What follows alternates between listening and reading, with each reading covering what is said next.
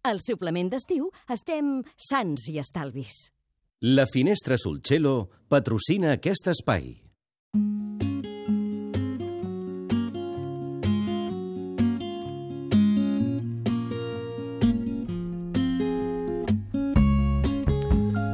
Va, confesseu, a tots ens ha passat alguna vegada. Hem anat al mercat a comprar amb tot el carinyo, eh? Sípia, pop, mm, calamar d'aquell ben maco, amb la pell i tot. Els hem volgut cuinar quan, eh, quan hem arribat a casa, seguint una recepta que ens ha passat algú, i després de tot aquest procés i de tot aquest esforç, resulta que ens ha sortit dur que dius, "Ai, això és com un xiclet, um, i pràcticament impossible de menjar. Com es preparen tots aquests productes que a la cuina en, en diuen cefalòpodes? A la cuina, ja, diguéssim, al món de l'animal, en diuen cefalòpodes. Avui amb la xef especialista en cuina natural, Mireia Anglada, repassarem doncs, eh, com cuina bé aquests, eh, aquests animalons, eh, que són tan bons i que són un substitut perfecte de la carn, perquè tenen proteïna a dojo, per exemple, molt econòmics, però que si no els fas bé és com menjar una sola de sabata, eh? Un xiclet, Sí com deies no? abans, sí, que tant. Sí que dius, oh, estàs estona i estona mastegant i no desapareix allò. Què fem malament normalment amb aquests productes? Mira, et donaré quatre pautes. Va, vinga, va. Perquè és una pregunta que em fan molt als cursos, Adam. Sí. O sigui, la sèpia no hi ha manera. Doncs mira, us explico. Va, atentos i atentes. El primer de tot, importantíssim, comprar-lo fresc. Val. Com sabem que el producte està fresc? Primer pel color. És molt important que no tingui aquest rosa pàl·lid. Si ha arribat el rosa pàl·lid, vol dir que ja fa uns dies que està allà. Mm. Vale? L'olor, l'olor és imprescindible. Vull dir, si ja fa molta olor, ens hi retirem. Val. Eh? I els la part de dalt, la part dels tentacles, ha d'estar ben enganxada al cos. Si no està enganxada, vol dir que també té dies. Val. Vale? Això és per tots, eh? Mm. És molt important el tema del fresc, aquí en sèria. no, perquè si volem aprofitar la melsa, que nosaltres la fem servir per tot, per guisats, per paelles, per brous, si volem fer servir aquesta melsa és molt important que el producte sigui fresc, perquè la víscera és el primer que es podreix de l'animal.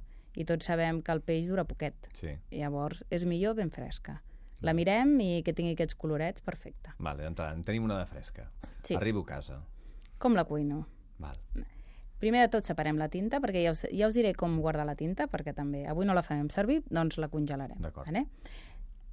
Ah, per congelar la tinta, agafem, la posarem, saps, sobre un colador, Adam, Sí, sí. i posem un casso sobre, perquè si no liarem una a la cuina espectacular. Va, sí. Eh? I xafem, trenquem la bosseta i li anem afegint una mica de sal, perquè la sal ens ajuda a trencar la part de fora de la bosseta. Sí, I li anem afegint aigua i anem remenant, remenant fins que ja no caigui res de tinta. molt bé. És molt important treure-la de la bossa abans de congelar-la perquè si no després no surt. D'acord. Eh?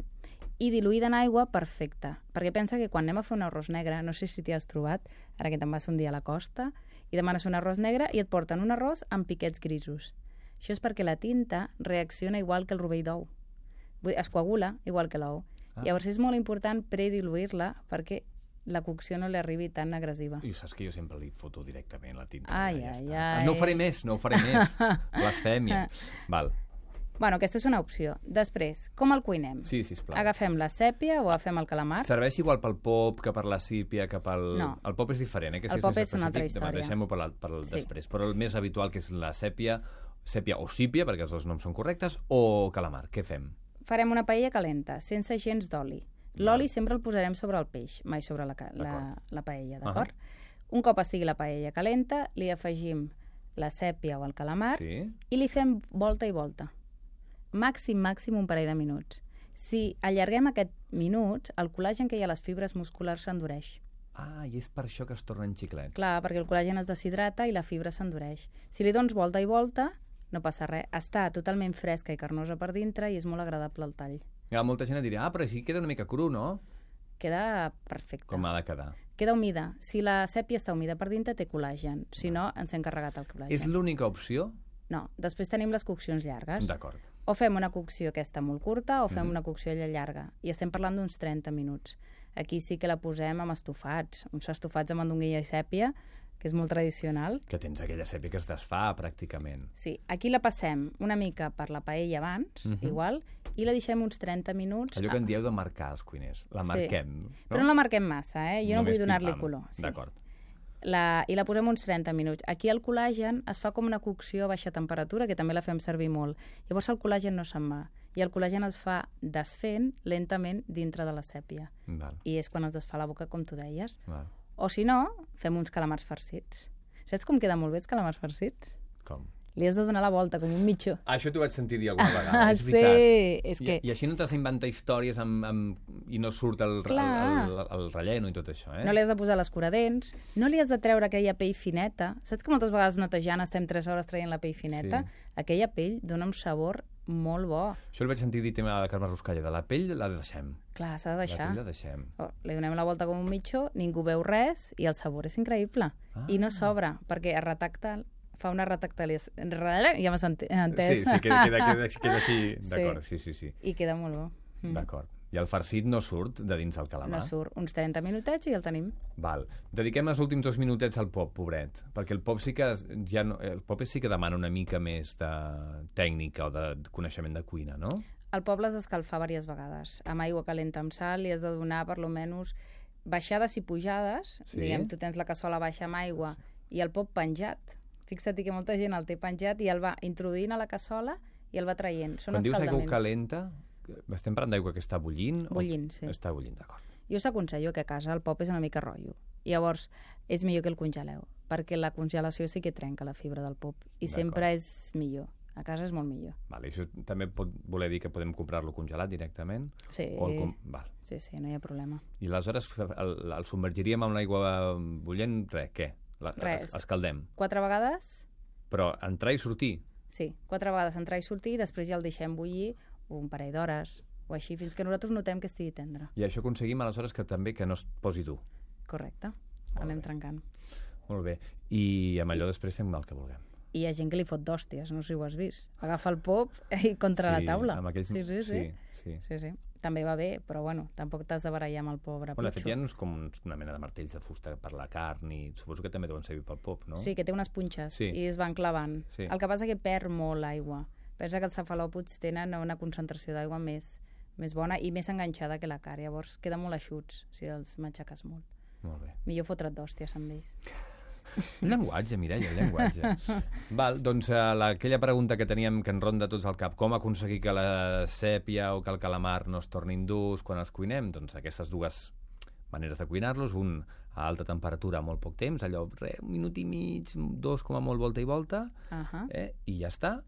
O una cocció llarga a temperatura baixa, 30 minuts com a mínim, eh? Perfecte, Adam. Molt bé. Alguna cosa més? No, que jo us convido a menjar ara aquests cefalòpodes Sí. a l'estiu, perquè a més que ve de gust. És un menjar lleuger i que senta molt bé tothom. I, econòmic, a més a més. I econòmic, eh, Sobretot correcte. la sèpia, a més a Mm. més. Moltes gràcies. A tu, Adam. La Finestra Sulcello. Productes d'alimentació ecològics de primera qualitat, sempre sense ou, sense sucres i sense lactis. El sabor del benestar des de 1978 per aquells que volen menjar sa i natural. El suplement d'estiu. Amb Adam Martín.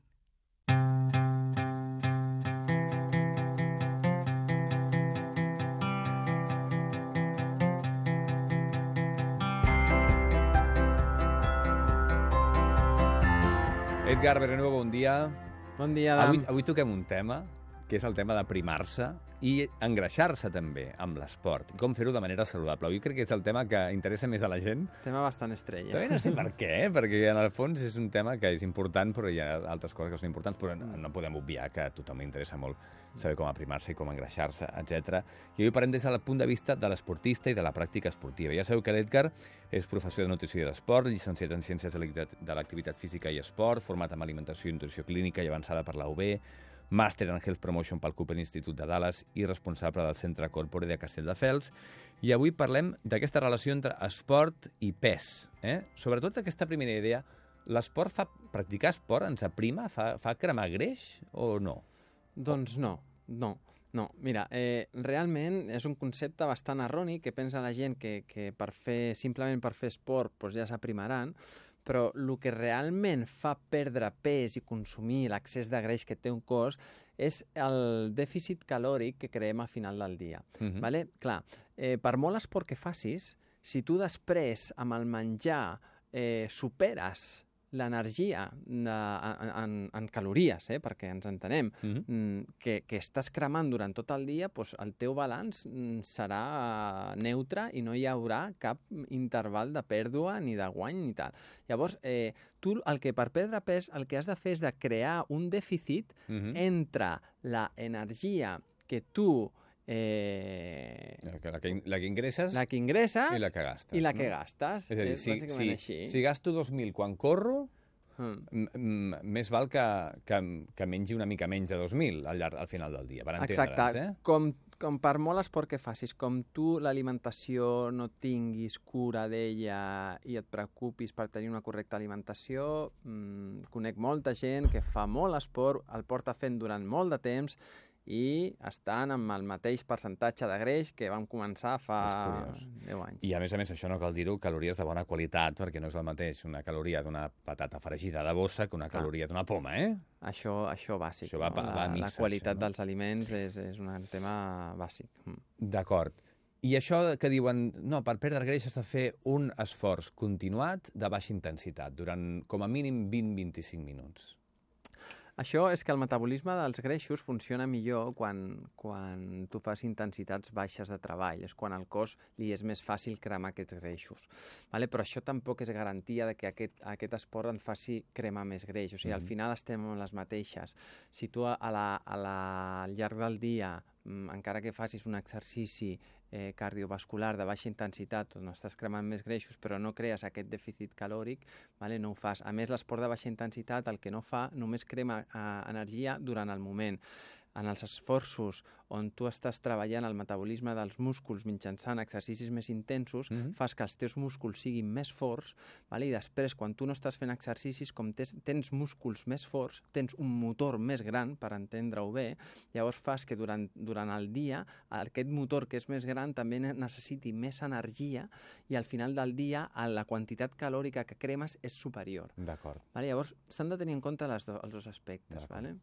Molt bé. I una altra pregunteta abans d'entrar directament en matèria. Eh, aquests que volem tenir la panxa plana i tal, Mm. que ens matem a fer abdominals i no baixa mai la panxa, hi ha alguna cosa, òbviament, que fem malament. Suposo que també és el mateix, no? Sí, mira, conec a gent que fa 1.000, 2.000 abdominals al dia Oh! i, i tenen, sí, sí, tenen uns abdominals molt forts, perquè Clar. tenen el múscul molt treballat, però tenen la capa de greix per sobre que els hi cobreix. O sigui, quan el cos perd greix, el perd de forma global vale, de tot el cos. Vale? No per fer un exercici localitzat perdrem el greix d'aquella zona específica. Vale? Llavors, eh, no. La resposta és que no. Per, Per molts tant- abdominals que facis, tindràs una tableta de xocolata, però com no toquis, com no toquis el tema de l'alimentació i creguis aquest dèficit que calòric, no cremaràs aquest greix. Per tant, suposo que és evident que també totes aquelles faixes de les zones abdominals per suar en aquella zona en concret o a les cames i tal, no té cap sentit, eh? No té cap sentit. Perfecte. No té cap Molt bé. sentit. Hem de parlar de com pujar de pes, perquè a moltes persones els interessa pujar de pes, però també de ba- baixar de pes. Consells bàsics per baixar de pes eh, amb la pràctica esportiva i amb, amb una alimentació correcta. Mm, Per baixar de pes, jo et diria que et concentris bàsicament en tres aspectes, que seria cuida't l'alimentació, eh, deixa de menjar aliments que siguin molt calòrics, que tinguin molts de sucres i greixos saturats, vale? fes exercici de dos tipus, vale? exercici tant cardiovascular per, per, per cremar greixos, però també exercicis, exercicis on, on la intensitat de treball sigui alta perquè el teu cos agafi musculatura. Val. Vale? I d'aqu- d'aquesta manera doncs, la musculatura i amb l'exercici faràs que al final aquest balanç calòric al final del dia doncs, sigui superior. Eh? I aquesta energia que el teu cos ha de treure d'algun lloc, doncs allà és on, on tu vas a utilitzar els greixos. Val, per tant, seria això per, per baixar de pes. Eh? Ah. Uh, Repassem-ho.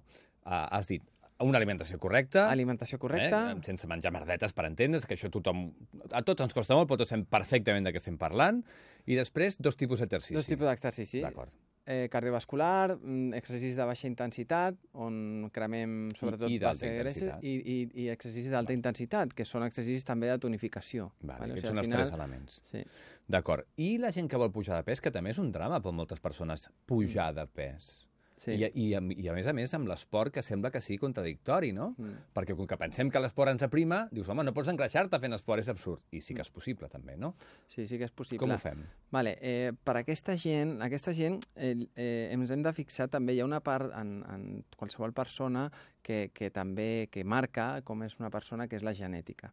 Llavors, normalment, quan veiem aquestes persones que els hi costa doncs, eh, guanyar pes, doncs ens fixem amb els, amb els seus pares, amb els seus avis, i també eren gent prima, normalment són gent molt nerviosa, mm -hmm. gent que durant el dia crema moltes calories. Llavors, clar, aquesta gent doncs, els hi costa crear aquest dèficit però positiu. Hem de, hem de fer això. I a més, per pujar de pes, eh, és important treballar la força. Vale? Perquè volem pujar de pes, però clar, no volem pujar de pes de greix, No, vale? perquè el no, greix clar. és perillós. Llavors, clar, tampoc això de, doncs, com he, vull pujar de pes, menjo qualsevol cosa mm, encara que sigui molt calòrica i aliments de dolenta qualitat. Vale? Hem de menjar aliments de bona, de bona qualitat, fer aliments que siguin calòrics, com, doncs, com fruits secs, o hem, hem de fer que els nostres plats siguin més rics a nivell de calories, però calories bones. Mm -hmm. Vale? Per exemple, doncs una, si mengem una típica amanida, doncs si li posem llavors, fruits secs i coses així més calòriques, doncs farem que a cada àpat doncs, tinguem més calories i tinguem més energia. Però és bàsic entrenar, i entrenar sobretot exercicis de força, perquè quan fem força, entrenem els músculs en força, quan el, aquest múscul després està descansant, vale? és quan voldrà tots aquests eh, substrats energètics perquè el múscul es creï més gran. Vale? I això serà el que ens fa...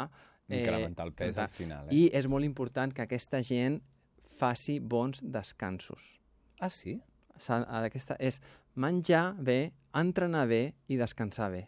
Per què els- han de descansar els que es volen engreixar? Perquè les fases... Eh, o sigui, la, quan un múscul creix es diu eh, fase anabòlica, vale? que és quan s'està creant teixit, i això quan millor succeeix és quan estem descansant quan estem dormint, llavors és recomanable que aquesta gent doncs, tingui descansos, inclús descansos durant el dia, vale? perquè l'entrenament sigui, perquè la recuperació de l'entrenament sigui més efectiva. Perfecte. Mm.